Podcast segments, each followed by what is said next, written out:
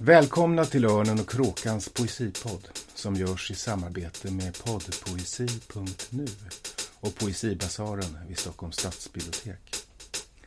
I den här podden samtalar kritiker, poeter och andra om aktuell poesi. Och så läser vi dikter förstås. Välkomna till Örnen och Kråkans poesipodd. Jag heter Magnus William Olsson. Idag, som är den 18 november, sitter vi som vi så ofta gör i Stockholms stadsbibliotek. Men den här gången förstås utan publik. Idag ska vi tala om kritik, om recensioner och om vad det egentligen innebär och betyder att böcker blir eller inte blir recenserade. Vi ska försöka ta oss an ämnet utifrån lite olika roller på litteraturfältet. Eh, vad betyder förekomsten av recensioner för de som ger ut böcker, för poeterna och förlagen? Vad betyder recensioner för de som förmedlar böcker? Till exempel för bibliotekarierna och biblioteken. Och vad betyder recensioner för de som i olika sammanhang i kommittéer och annat eh, delar ut priser och stipendier till eh, författare. Alltså recensionernas, eh, ska vi säga sekundära ekonomi. Hur de skapar värde och vilka värden de skapar i ett lite vidare sammanhang i det som ibland omtalas som litteraturens ekosystem. Med mig för att tala om detta har jag fyra gäster. Pelle Andersson, själv författare och poet men också förlagschef på Ordfronts förlag. Johan Jönsson, poet, ofta hörd och omtalad här i podden men också tidigare medlem av Författarfondens stipendieråd. Och Författarfonden är ju den utan jämförelse viktigaste utdelaren av författarstipendier i Sverige. Med oss har vi också Pamela Schultz Nybacka eh, som disputerade på en avhandling om eh, litteraturekonomi kan man kanske säga. Bookonomy, the consumption practice and value of book reading. Pamela är också känd som skribent på Örnen och Kråkans läsare, inte minst i vår senaste kalender där hon skriver om ljud, ljudets betydelse och ljudbokens betydelse för poesin. Och utöver att vara forskare och författare så är Pamela också förlagsutbildare på Stockholms universitet och biblioteksutbildare på Södertörns högskola. Mycket som du gör. Eh, slutligen är också Ida Westin här, skribent och bibliotekarie. Senast hörd här i podden när vi för snart ett år sedan talade om poeten Anna-Greta Wide. Mycket välkommen alla fyra. Tackar. Ja. Ja, det där var ju mycket info. Eh, men jag tänkte vi skulle börja med en runda. Alla vet ju att recensionerna och i synnerhet poesirecensionerna och i synnerhet Pelle som har jobbat mycket på kulturredaktion vet ju att eh, de i förhållande till andra typer av artiklar som reportage, intervjuer, porträtt och annat har förhållandevis mycket få läsare. Och numera är det dessutom jättelätt att mäta sånt för att man ser hur många som läser digitalt.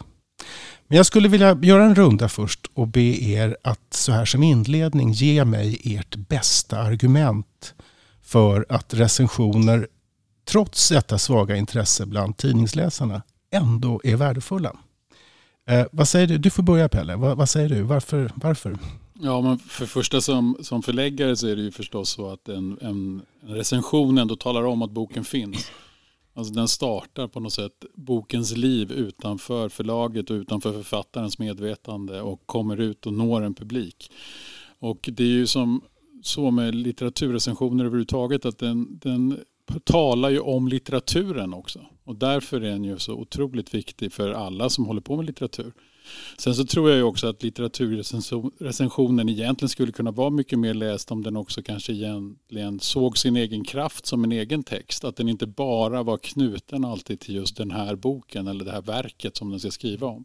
Mm. Utan vågade vidga lite sitt begrepp. Vad är det den egentligen finns till för? Mm. Att kritikerna öppnade kritiken lite och såg den som att den var en del i ett stort, långt, långt historiskt samtal om vad litteratur faktiskt är. Mm. Det där kan vi, får vi säkert anledning att återkomma till, vad, recensionen skulle kunna vara.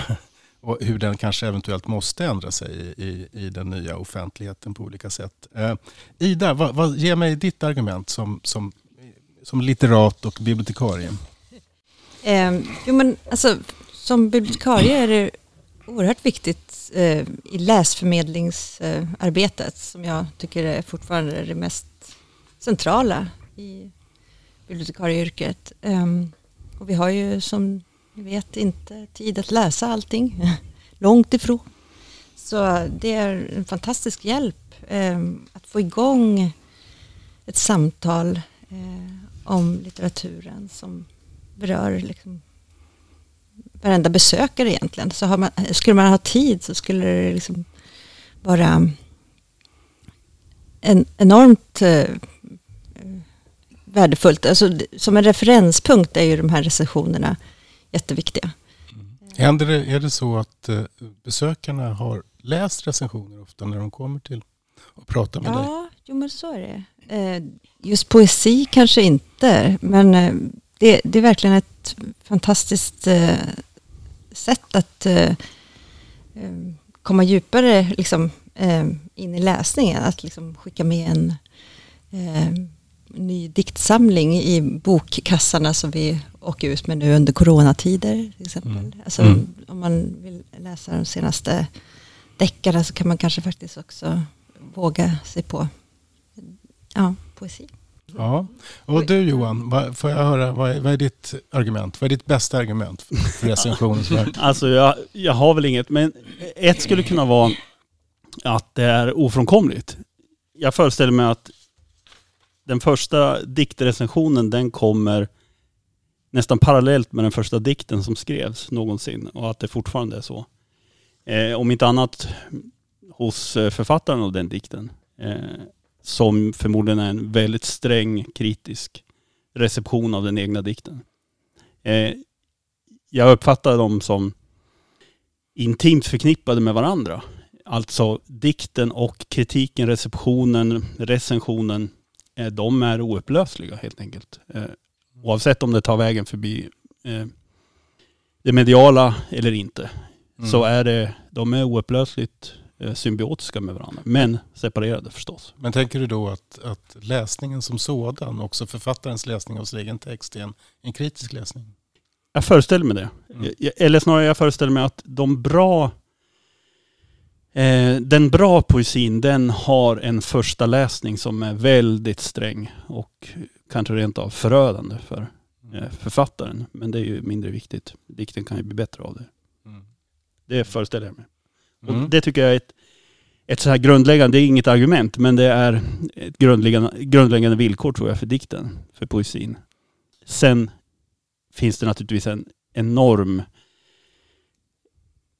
vad ska vi säga, kosmologi kring kritiken som vi skulle kunna eh, diskutera. Eh, både fördelar och brister naturligtvis. Mm. Mm. Eh, men jag instämmer med Pelle att den kritiken är den som kanske slår en bro mellan eh, ja, traditionen, litteraturhistorien, samtiden, politiska implikationer eller inte och så vidare. Eh, den typen av resonemang som recensionen, kritiken kan utöva.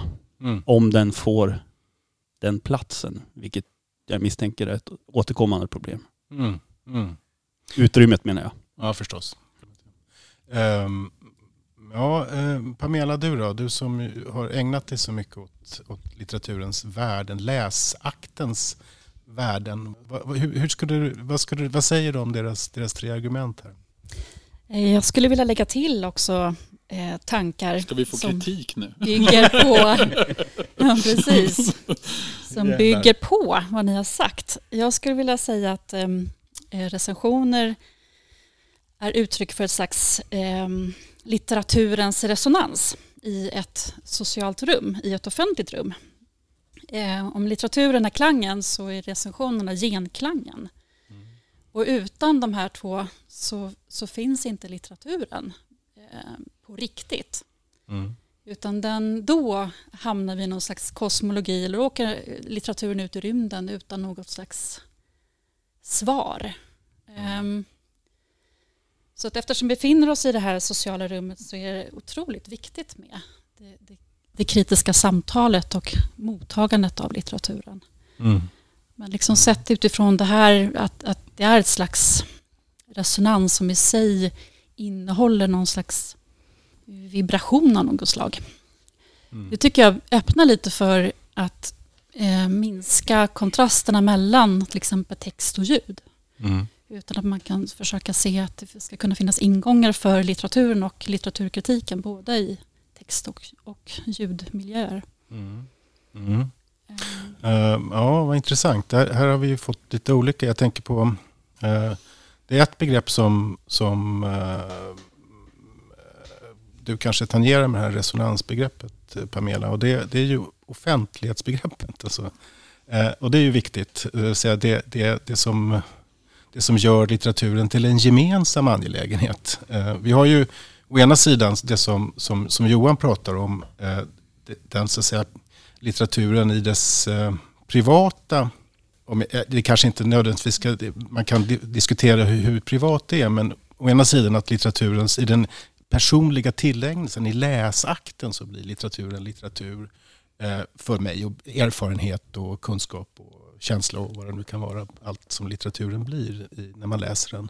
Men litteraturen blir ju också litteraturen när vi så att säga börjar tala om den. Eh, och det, det, det sker ju i det som man kan tala om i termer av offentlighet. Och jag tänker att ehm, uppmärksamhetsekonomiskt så är det ju så att det är väldigt, väldigt få böcker som vi faktiskt kan läsa. Eh, man kan läsa kanske en 5000 böcker under ett liv. Det är, fler är det inte. Liksom. Och de flesta har man dessutom glömt. Men vi kan ändå tala om och förhålla oss till väldigt många fler böcker just därför att de är representerade i offentligheten. Och där tänker jag att eh, det där liksom litteraturens samhälleliga aspekt eller eh, som samhällelig fenomen. Det är ju eh, någonting som, som kritiken eh, representerar. Eh, recensionen representerar kanske i synnerhet. Eh, jag tänker, hur tänker ni om det? Jag menar, vi kan se nu under, under pandemin till exempel att bokbranschen, åtminstone den där eh, eh ljudböckerna och så, har ju gått relativt bra. Den liksom privata, folk har suttit och läst i det, i det allmänna, men hur är det med, det, med litteraturens samhälleliga vara? Vad, tänk, vad tänker ni om det?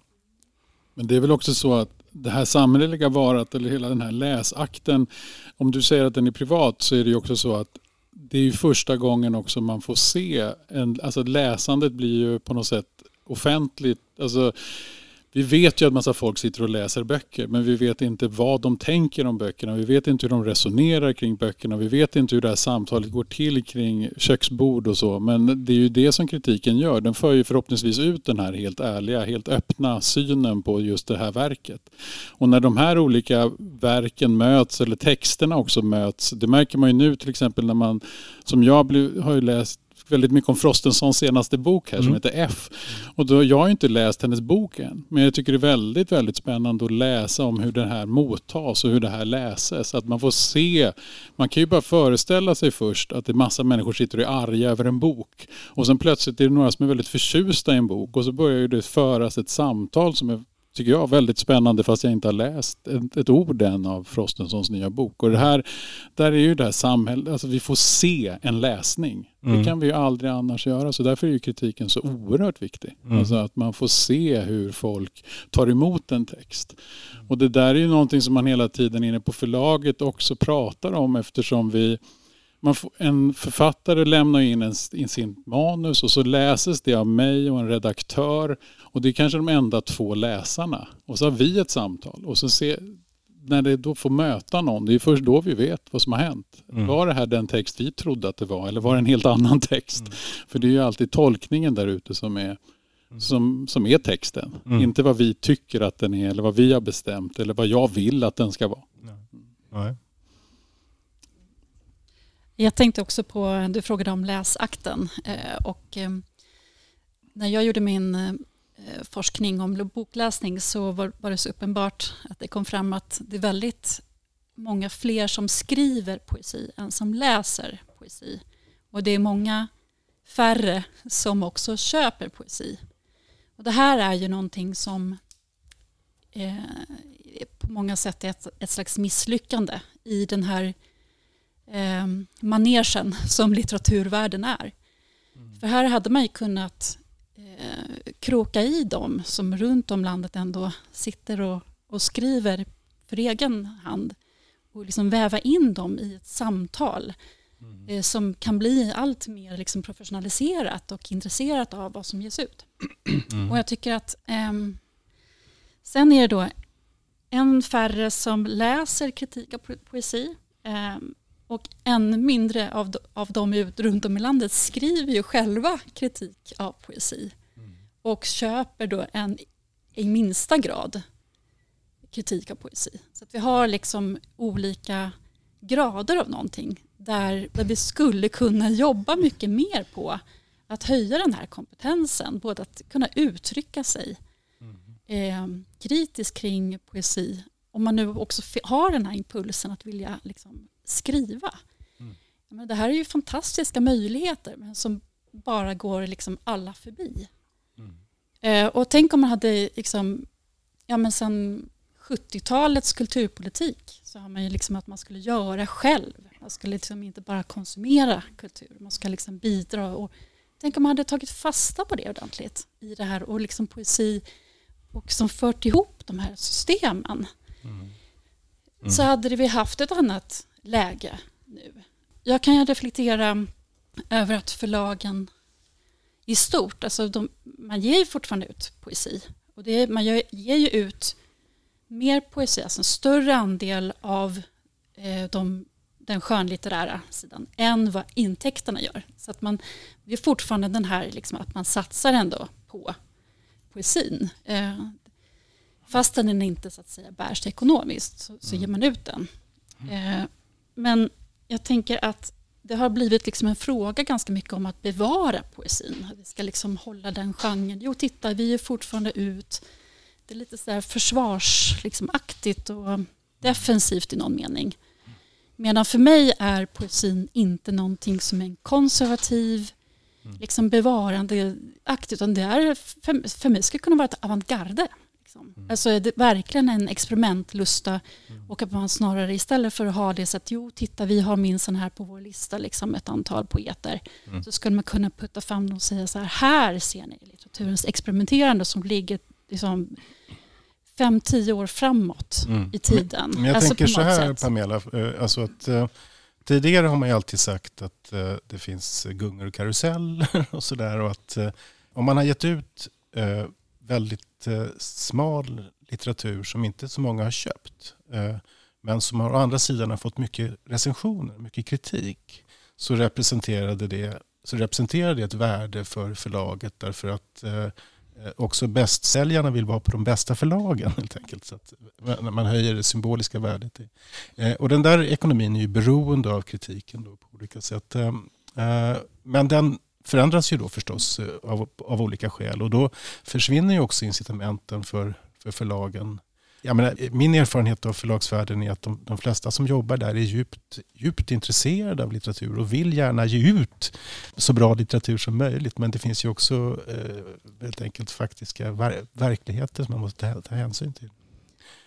Jag tänker att just där när liksom kritiken inte finns där och stipendierna kanske inte finns där så blir det egentligen så ett, ett form av liksom avantgarde där som inte ger någon ekonomisk intäkt men som kan ge det här liksom skjutsen, den konstnärliga skjutsen. Och att man då bör behandla det därefter, inte som titta vad vi ger ut ändå utan att verkligen vara med stolthet putta fram Mm. eh, det. Men det tror jag är ett faktum på många förlag, även större. Alltså i Bourdieuska termer så är det ju helt enkelt symboliskt kapital man erhåller av de här böckerna. Eh, Avantgarde-poesi, poesi överhuvudtaget.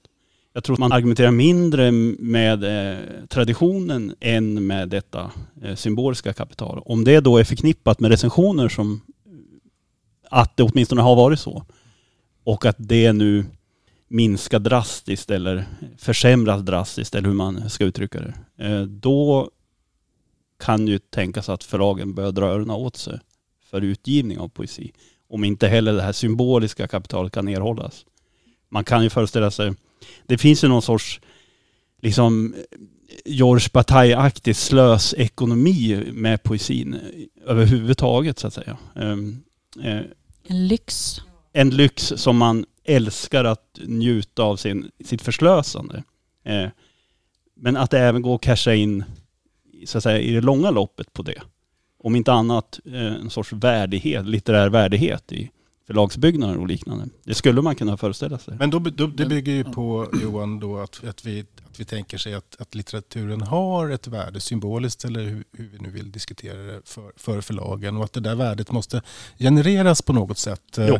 Eh, Och, det, och det, det genereras ju, recensioner är ju ett sätt. Att det säga att man, man, man kritiserar och skapas värde ur det där, hierarkier och vad det nu är. Så.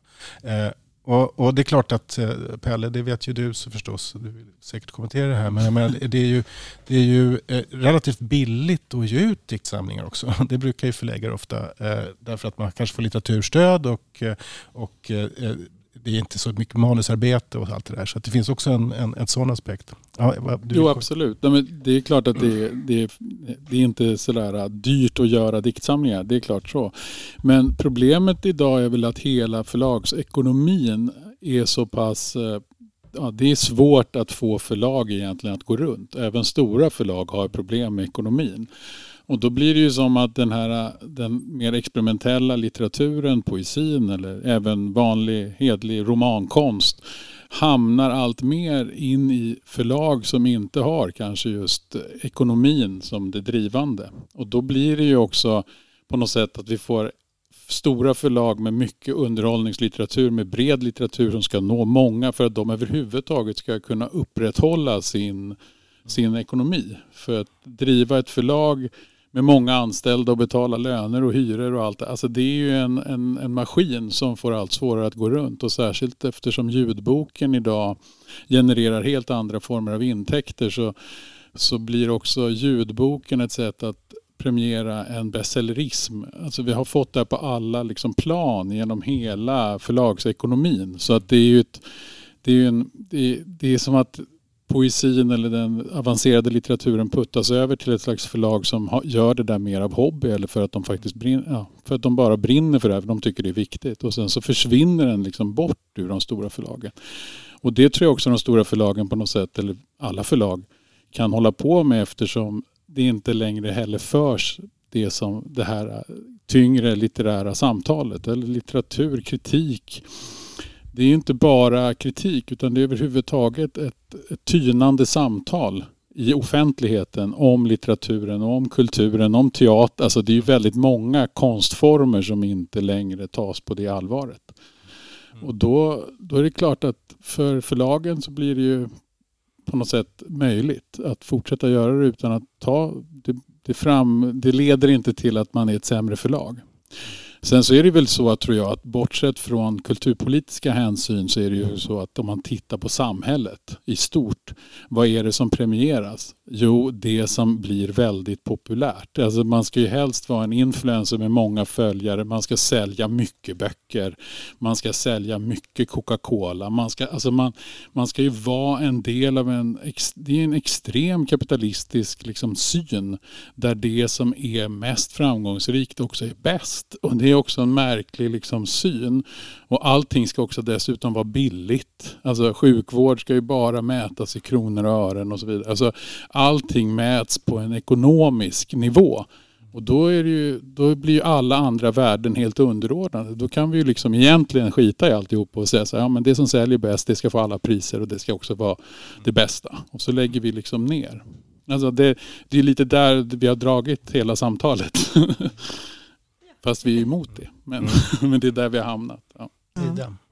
Ja, fast då skulle ju sjukvården få ännu högre kostnader för att de, alla människor behöver eh, litteratur, det vet vi. Eh, och där vi kan få liksom resonans som du pratar om eh, med alltså värdesätta oss själva. Och det märker ju vi på biblioteken att det är väldigt många samhällets olycksbarn som faktiskt har det här som sista vattenhål eh, och eh, är mottagliga för samtal och det är samtal som poesin kan sätta igång hos en människa. Och så eh, tänkte jag på det som du Johan sa om förslösande. Så där, att det, vi behöver komma tillbaka mer till det här med att det, det är en lyxig fördjupning i en snuttifierande tid. Mm. Alltså det är där vi har vårt, alltså och får vårt, återskapa vårt människovärde. Men låt, låt, mig, låt mig, att vi, vi som Mm. sitter här är naturligtvis överens om litteraturens värde på olika sätt och att vad den är. Men ska vi återvända lite till kritiken och hur värde genereras i offentligheten och hur man kan tänka. Jag tänker eh, eh, Johan, du, du har ju suttit där på, på Författarfonden och det är ju ett det är också ett, en, en värdering som sker där och eh, det är också ett, ett värde som blir symboliskt för alla möjliga. Eh, det vill säga de författare som får stora stipendier på Författarfonden räknas, får ett symboliskt kapital utifrån det och så vidare. Kan inte du bara, eh, jag är inte säker på att, eh, att folk, eh, många vet hur det går till. Hur gör man? Vad liksom, vad, hur går det? Ni får in nu sitter du inte där längre, men när du satt där. Alltså när man, man får in en väldig massa ansökningar och sen, va, va, hur, hur sker värderingen? Sen? Alltså, eh, så många timmar har vi inte. Eh, men eh, jag tjänstgjorde där eh, med glädje, svett och tårar i sex år, 14 till 19. Man får inte sitta längre. Det var fantastiskt roligt. Eh, man får läsa ögonen ur sig såklart. Eh, och det är inte bara symboliskt kapital, det är ju reda pengar. Alltså, eh, det är avgörande, jag törs påstå, mellan liv och död eh, för författare. Utan tvekan. Ehm, ja, hur går det till? Som ledamot då i stipendierådet som det heter så får man per år ungefär 150 böcker att läsa. Det skiftar lite upp och ner. Man ska då göra en... Man... För det kommer in ungefär 1009-1200 eh, böcker varje år. Varje, ter, varje termin tror jag det blir. Ja, precis. Varje termin. Ja, så ska man då göra en självständig läsning av de böcker man har så att säga som sina, som man då eh, bereder eh, för, för ögonblicket. Eh, Och där, recensionernas betydelse där i formell mening, den är ingen alls såklart. Det, det finns inga sådana formella kriterier. Men informellt, som alla läsande människor, så blir man påverkad av vad ens favoritkritiker eller vad ens hatkritiker skriver om respektive bok. Så man går naturligtvis inte fri i den meningen. Eh, men det är en massa andra aspekter som spelar roll eh, i bedömningen av en bok eller ett helt författarskap när det gäller längre stipendier. Femåriga och särskild biblioteksersättning eh, som man då får till man blir 70. Eller har förtjänat till man är 70, hur man nu ska se på det.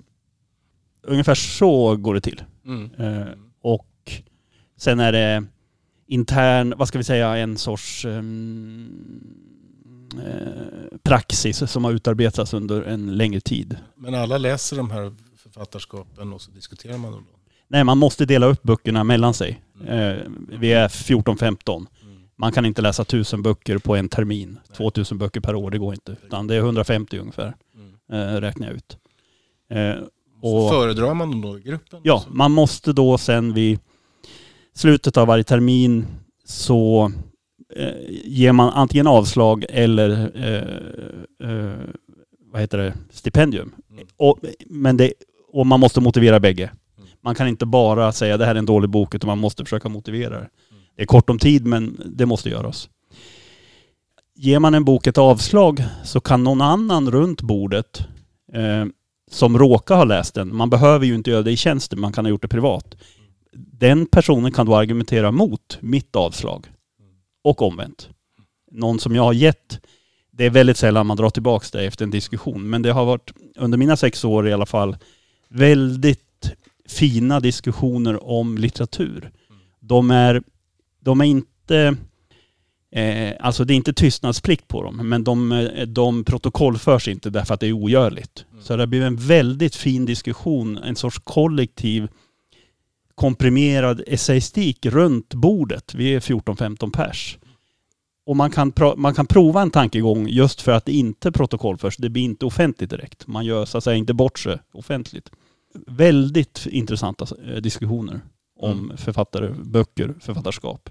Jag tänker att det här är ju ett, eh, ett uttryck för eh, hur värderingen av litteratur eh, rent praktiskt har förändrats på många sätt i samhället. Man kan säga att det här sker ju i hela världen på många bokmarknader att, att recensionerna förlorar i betydelse Eh, vad det gäller symboliskt kapital om vi ska fortsätta prata i de termerna. Medan då stipendienämnder eh, och den typen av liksom utmärkelser vinner i, i, i den offentliga värdebildningen kring litteratur. Eh, ett uttryck för det där som du talar om det är ju att här finns det en grupp, här finns det en slags ett, ett gemensamt samtal som värder, i värderingen av litteratur. Och den funktionen har ju tidigare redaktionen haft i väldigt hög utsträckning. Och, och, och Pelle, du har ju jobbat på kulturredaktion länge innan du blev ordfrontschef och, och vi har väl alla eh, förhållanden till redaktioner. Eh, men redaktionens roll i den offentliga värderingen har ju, i mitt intryck, eh, starkt försvagats. Därför att man inte har tid så mycket på kulturredaktionerna och, så, och, och, och, och, och, diskutera värderingen av urvalet och värderingen av det som recenseras. Eh, va, vad tänker ni om det här? Får jag, säga, um, men jag tänker att uh, hela samhället har blivit mer factfulness uh, sökande och uh, vi vill ha absoluta sanningar och uh, det går på sätt och vis nu när vi pratar om poesi här ikväll ut lite över eh, alltså poesiläsandet som ju faktiskt eh, i alla fall i den form eh, som recensionerna eh, ja, tillkommer på Örnen och kråkan till exempel som är Sveriges största recensionstidskrift nätbaserad. För poesi? Så är det, ja. Vad sa du? För poesi. För poesi, mm. ja just det. Eh, så liksom blir det här subjektivt djupa läsandet liksom en vetenskapligt eh, seriös text också. Vi får inte glömma bort det på något sätt i, i det här samhället. Att, vi, att den är grundad på något ja, sätt? Ja, att den är grundad. Att det verkligen är um, på, på många plan en genomarbetad uh, läsning och ett möte med en text mm. som bjuder in mig som läsare av recensionen till att ställa mig frågan, kommer det här ge genklang hos mig? Kommer det här vara någonting som jag... Annars läser jag en annan recension och väljer en annan bok.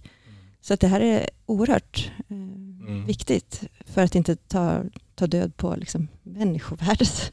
det är storvulen. Mm. Men det är väl också så att på redaktioner och så att det, det är ju färre och färre anställda och det är sämre och sämre ekonomi även där då. Så man har ju sämre möjligheter att tror jag, hinna med. Det märker man ju också nu under hösten. Vi sitter ju här en höst och det kommer ut fruktansvärt många böcker. Och jag menar, vi ringer ju till Dagens Nyheter och Svenska Dagbladet och Aftonbladet och Expressen hela tiden från förlaget och frågar vad händer med den texten, vad händer med den recensionen och de har inte tid. Och jag tror att det är helt ärligt. De sitter på mängder med recensioner som inte har hunnit in eller inte kommer in. Eller... Så det där är ju ett, ett pågående problem. Men det gör ju också att det samtal som även kunde ske förut inne på redaktioner sprids ju inte heller. Det där brukar vi också prata om på, redak- på förlagen att förlag som har många anställda de pratar ju också om litteratur. Och förstår ni, det blir också ett litet universum som sprider samtalet om litteraturen vidare. Så ett stort förlag har mer diskussioner eller fler diskussioner och sådär. Så det, det där kan man också diskutera. Var sker de här samtalen och hur sker de? Och när de minskar generellt då, alltså det är inte bara det uttrycket att det blir färre recensioner utan det blir färre som hela, har fört det här samtalet från början ända ut. Och det där sker ju även på, det, på förlagen eftersom vi skär ner på personal på alla förlag. Så blir ju också det samtalet ut, utlokaliserat till en redaktör med sin författare i en lägenhet någonstans istället för att vi sitter inne på förlaget och pratar om det här i grupp. Alltså det, det försvinner någonting där. Mm. Och alla de här, det här urholkar sakta men säkert. Färre människor på bibliotek eller färre människor i alla de här instanserna gör ju någonting. Att det blir som en ost till slut. Eller det blir bara det blir en grevé istället för en, en gräddost. Eller vad man nu skulle säga. Det blir större och större hål i det här samtalet. Och det är ju otroligt, eh, ja det är ju det är försvagande för hela, för, för samhällsdiskussionen. Mm. I stort tror jag. Alltså det är ju så att vi vi lär oss ju också se något i litteraturen. Massa erfarenheter som vi inte har själva som vi kan få.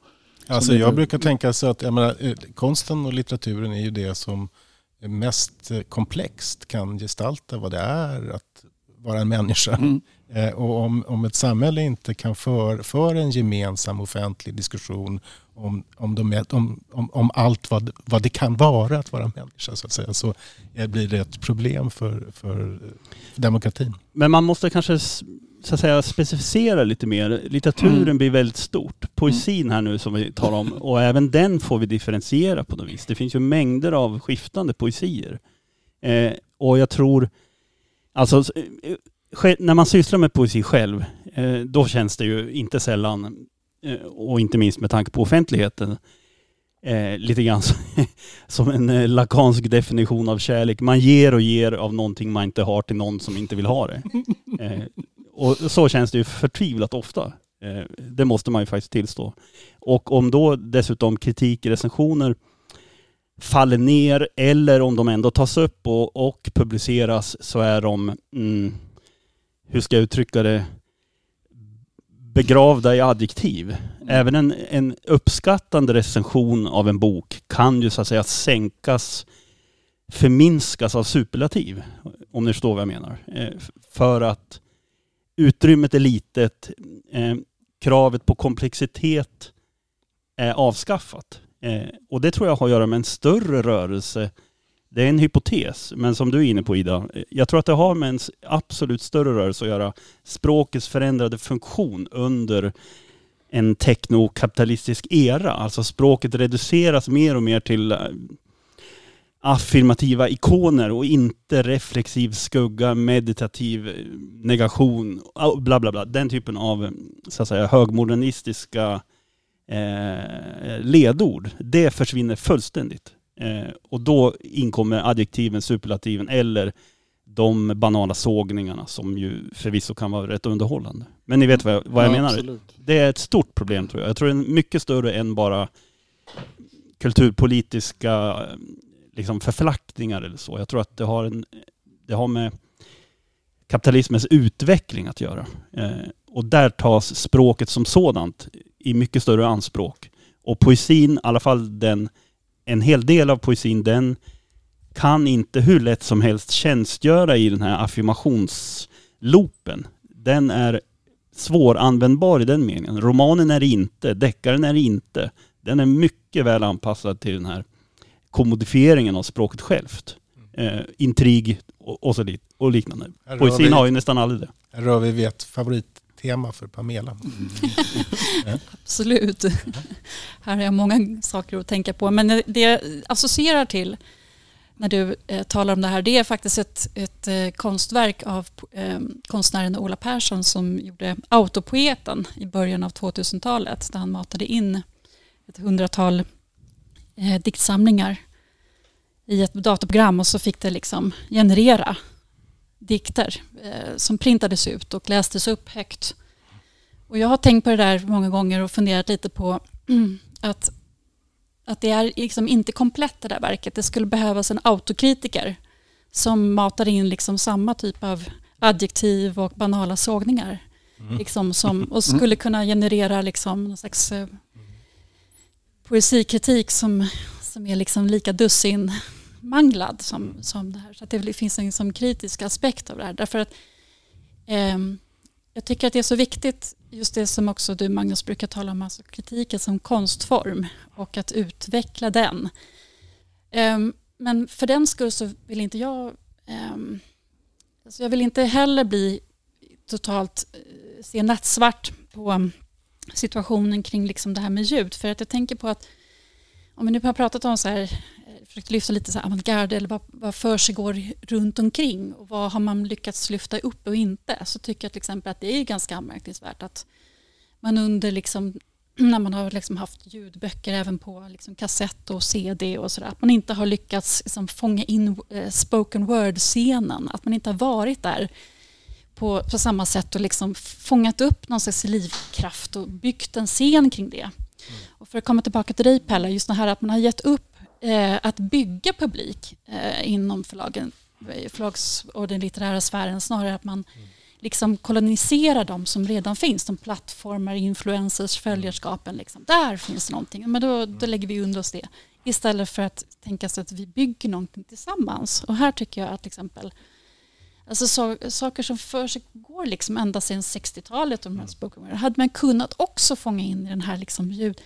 Jag förstår inte varför det är så mycket som är ogjort som jag blir eh, frustrerad av. Mm. Jag tänker här, här um, det, det, det, det, det håller alldeles med om, om, om detta och att det har ju att göra med också eh, situationen att, som vi har rört vid, att det helt enkelt finns så väldigt mycket mer att skriva om. För det publiceras inte bara nog med att det publiceras. I, på poesins fält så har utgivningen fördubblats på 20 år. Det, det är dubbelt så många böcker som ger ut och då pratar vi inte om alla andra publiceringsplattformar. Alla hashtags, poesi-hashtags och communities som finns och så vidare. Så att det är klart att vi står inför en... Eh, kritiken har liksom väldigt mycket att ta sig an på ett sätt. Men jag tänkte på en annan sak för att anknyta till det Johan sa och kanske lite till det du har skrivit och tänkt på med om detta.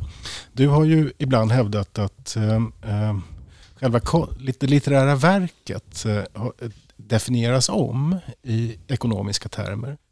Eh, och att eh, vi i högre utsträckning, litteraturmarknaden, sysslar med det du kallar för dramaturgiskt kapital. Alltså vill säga inte längre med, och poesin saknar ju i stort sett dramaturgiskt kapital. utan det som är berättelser och det som kan flytta flyttas mellan olika medier eh, och som kan göras i film eller, eller var, eh, ljudbok eller whatever det är. Liksom det där.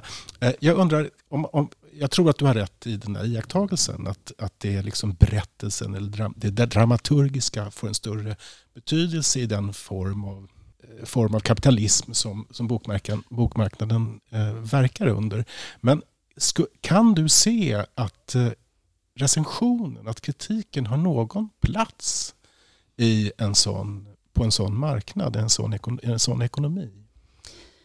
Eh, absolut. Och jag tyckte att det var jättespännande till exempel att läsa Hagri Ismails eh, debattartikel om kritiken av eh, verk där man liksom just bara flyttar fram och gestaltning. Som jag säger till lyssnarna bara att den publicerades i GP för, för några veckor sedan. Jag ska eh, länka till den på hemsidan. Mm. Och eh, där han ondgjorde sig över att frågor om gestaltning, dramaturgi, berättande och så har liksom totalt lagt sig som en våt filt över all kritiskt samtal om litteraturen. Och det där jag tycker det sätter verkligen fingret på någonting otroligt viktigt och blir liksom som ett gensvar och kvitto på att det faktiskt är så att det här dramaturgiska kapitalet har blivit så dominerande. Att också inom kritiken enligt Också honom. inom mm. kritiken, mm. ja. Eh, att liksom alla ska vara dramaturger och kunna veta exakt liksom vad som borde, var borde vändpunkten ha kommit och hur många gestalter får man plats med egentligen i en läsning och så vidare. Alltså det, eh, jag tycker det var en otroligt bra och viktig debatt eh, som just bekräftar att det här och det, jag tänker också på att det har varit tidigare debatt, eh, kulturdebatter kring kritiken också som jag vet att Emise Monsaval har varit inne på också. Att kunna tala liksom om eh, skönlitteraturens form. Alltså, hur, har vi ord för det ens en gång numera? Att prata om de val som författaren gör för att det ska bli en viss form. Inte bara liksom det drivna berättandet som ska rusa genom formen utan att liksom språk och andra saker som, som hör ihop med verket.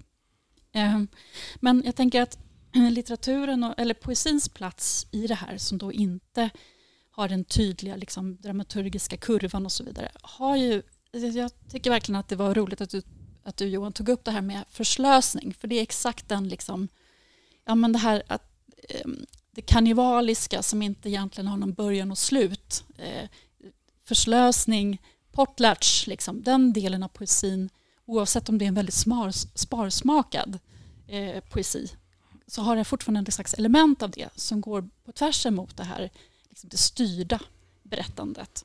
Det målstyrda, om man ska tala om det. Men, men sen är det, har publiken, liksom, har vi även förmedlare den kunskapen och, tanken? Jag, jag hade, på bibliotekarieprogrammet så har vi alltid med allmänlitteratur på våra kurslitteraturlistor. Vi har alltså inte bara vetenskapliga artiklar och kurslitteratur utan vi har facklitteratur eller skönlitteratur och så har vi också haft poesi och då har vi haft en, en diktsamling som tar upp eh, arbetet på ett folkbibliotek. Och det var väldigt spännande att ha det samtalet med bibliotekariestudenterna därför att det var väldigt få som hade läst poesi överhuvudtaget. Utan det här var liksom, ja, för många det första mötet på väldigt länge mm. med poesi. Och vi hade en diskussion om liksom vilken, vilken roll kan poesin ha på bibliotek? Vad betyder det? Mm. Så jag vill skicka vidare det till Ida. Mm. Jag, jag, tänkte också på det här med att eh, recensionerna är ju verkligen det här en slags paktivism som det här begreppet som Jonna Bornemark, filosofen, har instiftat ganska nyligen. Jag tycker det är ja, helt fantastiskt. Eh, för det är liksom just att vi både är passiva eh, och aktiva när vi tar del av en recension. Eh, och eh, liksom ingår pakt med det här skeendet eller texten. Eh, och eh, det, det är någonting som återigen vi behöver upphöja mer idag. Men jag tänker, nu, nu rör du vid, vid passiva och aktivistiska paktivism som Jonna Bornemark eh, lanserar.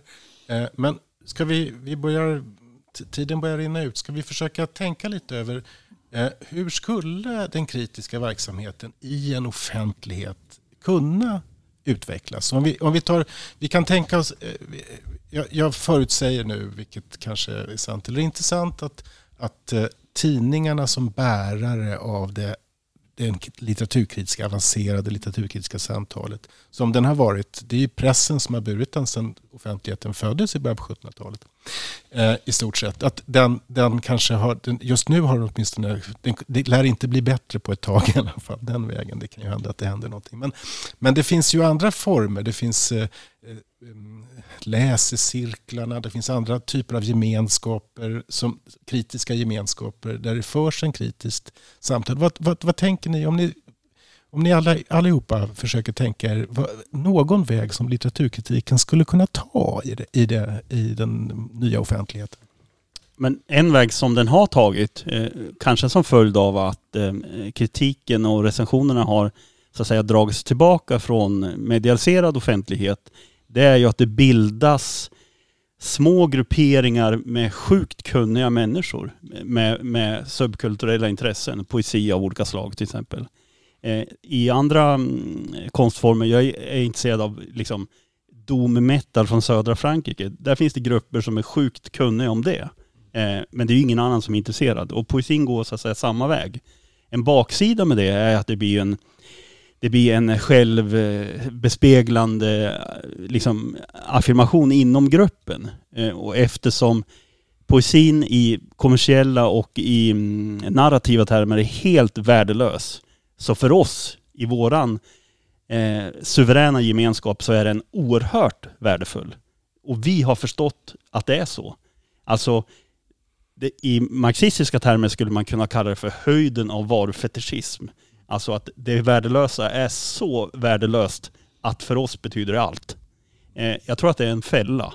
Eh, och jag tror att poesin är liksom, det är ett del av ett kollektivt språk. Eh, och den här, vad ska vi kalla det för, atomiseringen eller Rattama skulle kalla det för språltendensen och bejaka den eh, också har problematiska sidor så att säga. Eh, jag tror att det är väldigt problematiskt. Mm. Å andra sidan, vilken centralisering är vi har levt med? Ja men det, ja, det har ju politiska, det är ju liksom en politisk fråga. Eh, en bildad borgerlighet som har tillgång till eh, kultursidorna och eh, recensionerna och så. Um, det bara ju. Det finns ju fortfarande nej. offentligheter som folkbiblioteken till exempel. Som, som, i, som är fungerande. Jo men på biblioteken är det ju inga recensioner i den meningen. Utan den nej. är ju kopplad... Men värderingar likväl? Jo, absolut. Ja. absolut. Ja. Nej, men det är väl mm. också så att jag tror också det är en, en fa, Jag tror ju att det här kommer hända, eller det har ju redan hänt. Att det, som, precis som Johan säger, att det blir ju små autonoma grupper som pratar extremt initierat om väldigt många saker. Och det här kommer ju bara att fortsätta och fortsätta och fortsätta. Eftersom, men problemet är ju att jag tror att vi behöver ju den här offentligheten. Alltså det måste ju vara ett gemensamt samtal. Det där blir ju bara, till slut sitter det ju fyra pers eller två. Alltså det förstår ni, det blir ju bara mer och mer atomiserat. Det blir väldigt atomiserat om man har bytt könssjukdomar med var och varannan ja, i den här gruppen. Precis. Det är väldigt blir, problematiskt. Det blir ju fruktansvärt ja. hopplöst. Jo. Så att, det där, att, att ge upp den, den breda vägen, eller vad man ska säga, att kultursidorna skulle driva detta samtal. Det tror jag inte man får ge upp. Alltså jag tror att det vore, jag tror det vore fruktansvärt. Alltså annars får väl då Eh, Eh, typ staten eller Svenska Akademin eller någon annan institution gå in och ta det här ansvaret och försöka skapa en bred offentlighet för det här. Men det tror jag inte heller staten kommer att få med sig folket på. Förstår ni? Alltså folk kommer inte att rösta för att vi ska lägga skattepengar på ett offentligt samtal om litteratur. Så jag tror att det är, krävs att eh, faktiskt de här eh, redan idag stora offentliga, alltså även om papperstidningarna försvinner så är det ändå i, i våra dagliga intag av nyheter, där, kommer också, där måste litteratursamtalet föras och det måste vara ett kritiskt samtal. För annars tror jag att, alltså att litteraturen lite dör. Men jag tror också att problemet har varit att det kritiska samtalet eller kulturredaktionerna har blivit allt mer, alltså till skillnad bara från när jag började skriva på en kulturredaktion tidigt 90-tal, så har man också gått med på den här kommersialiseringen. Man, man vill inte längre vara ett alternativ till det som ska sälja tidningen. Det var man mycket mer förr. För 30 år sedan så var det så att man tyckte att vi kan prata om lite vad vi vill på kultursidan och man var lite stolt över det. Man ville prata om något annat. Man var lite en, en motkraft. Och det tycker jag har försvunnit lite. Idag så är det så att vi måste recensera Katarina Frostenson före alla andra för det här kommer bli en hype eller det här kommer bli en grej. Vi måste vara först med Kepler. Vi måste vara först med det som redan är stort, som redan är fungerande och som redan säljer. Och det här är ett problem tror jag som kommer att drabba litteraturen precis som det har drabbat filmen. Idag är ju liksom det kritiska samtalet om film det är i princip helt dött. Och sen så är det ju Netflix och HBO som bestämmer vad vi ska titta på. Så det är liksom det kritiska samtalet eller samtalet om vad den här filmen eller det här gör med oss. Det förs ju bara på något sätt hemma i köket. Och det har ingen återverkning på samhället. Nu har den här serien passerat. Okej, okay. Och då hade den passerat. Mm. Vad hände med oss? Vad betydde det för oss? Hur, hur, hur hanterar vi det här? The Crown, vad betydde det? Och det här tycker jag är lite, jag tror det är otroligt farligt och jag tror att det är, och speciellt då med litteratur som är en sån ändå omvälvande, där man själv deltar i skapandet i ännu högre utsträckning än filmen, så tror jag att det, det, det vore förödande om inte det här skedde i offentligheten, det samtalet. För jag tror att det betyder så otroligt mycket för samhället i stort också. Mm. Så att jag tror att hitta alternativa vägar, absolut. Det kommer att göras, det görs. Men jag tror att det, det måste in igen i offentligheten. Man måste ta tillbaka platsen. Ett, ett av skälen som Johan rörde vid till att man kunde, vi kunde göra det där på Aftonbladets kulturreaktion i början på 90-talet det var ju att vi inte visste hur få det var som läste. jag, minns när vi, jag minns när vi satte igång kulturbilagan och eh, jag skrev i första numret en, en, en text, en essä om Göran Sonnevi. Den var, och det var ett jättefint eh, Ulla Montan-foto på Göran Sonnevi på bilagan. Och den gick ut på lördagen, den bläddrades in i tidningen, gick ut i 500-350 000 ex. Och på söndag så gick, man, gick jag ut på stan och det låg bara tapetserat med Göran Sonnevis ansikte på gatan. Alla hade bara ryckt ut den där och slängt den helt enkelt. Men idag, idag, vet man att, att, idag vet man att till exempel kan, vi, kan jag säga att Örnen och Kråkans recensioner av poesi har fler läsare än vad DNs recensioner av poesi har. Det, det, kan vi nu, det vet vi nu så att säga. Och där, därför blir det också på ett sätt obsolet att prata om, om tidningen som en vad gäller poesin, en offentlighet. Mm. Vi trodde att det var 350 000 personer som läste våra recensioner. Det kanske vi inte riktigt trodde. Men, Men det är också en aspekt Magnus, Mm. alltså nu finns det ju den här för vem som helst att starta en egen offentlighet, nämligen digitalt. Men hur många är det som tar sig dit? De som tar sig dit, säg Örnen och Kråkan, förmodligen väldigt initierade, passionerade, intresserade. Men därför har vi ju... Jag menar, nu Men det är inte försvara- 350 000.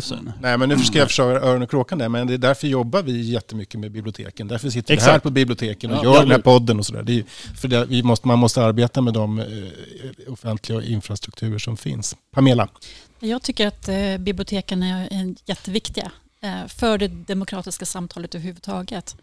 Men också att kunna vara plattformar för det läsfrämjande, för, det, för kulturen och kunna bidra med röster från olika håll. Att, att vara, våga vara där i, det, i samtalet kring litteratur.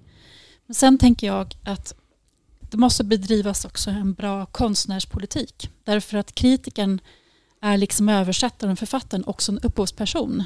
Och jag tycker att man ska ha en aktiv konstnärspolitik som faktiskt tittar på var ska de här olika yrkespersonerna agerar någonstans, under vilka villkor. Och jag tänker att liksom litteraturen har sitt litteraturstöd där man stöder någonting ex post, alltså när det redan är utgivet, så borde kulturpolitiken kunna göra detsamma för litteraturkritiken. Att, liksom att, att det inte bara ska vara att man det här statliga initiativet som säger så här, har statliga kritikmyndigheten, utan kanske snarare då titta på de initiativ som finns och kunna se, håller det här en kvalitet? Kan vi bidra med distributionskanaler på något sätt till för att stödja det här? Kan vi understödja?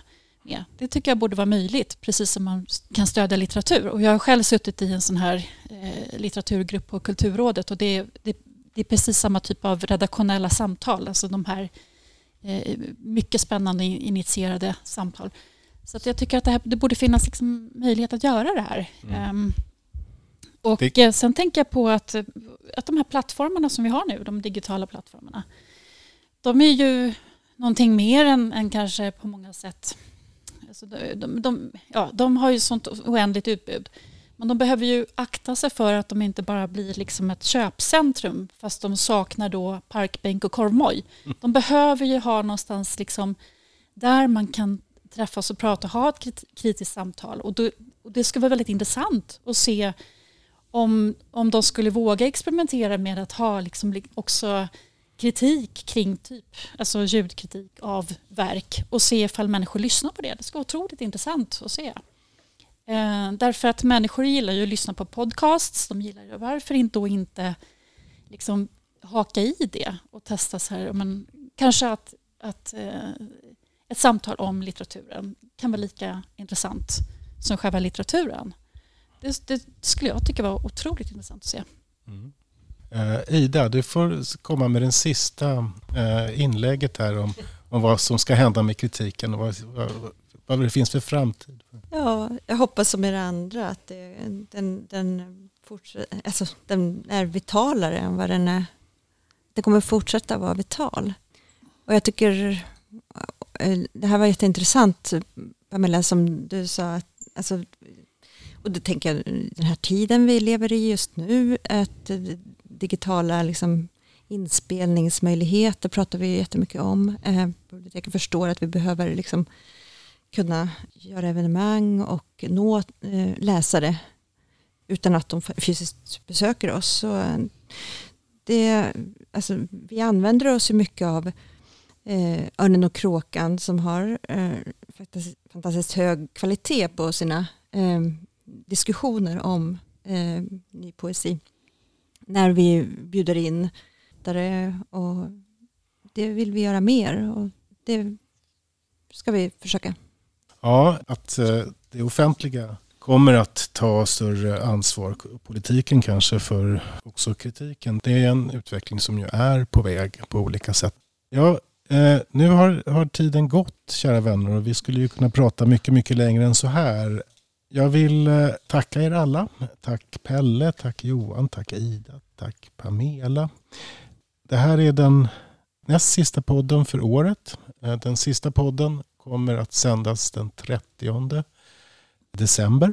den näst sista dagen på året dessutom. Eh, och fram till dess så kommer vi förstås på Örnen och kråkan att varje onsdag morgon klockan sju publicera en, en ny recension på www.ornenockrakan.se. Ja, vi kommer säkert att få prata mycket framöver om, om eh, litteraturkritiken. Både här på Örnen och kråkan och i andra sammanhang. Tack ska ni ha för denna gång. Tack så mycket. Tackar. Du har lyssnat till Örnen och kråkans poesipodd. Läs mycket mer om aktuell poesi på ornenochkrakan.se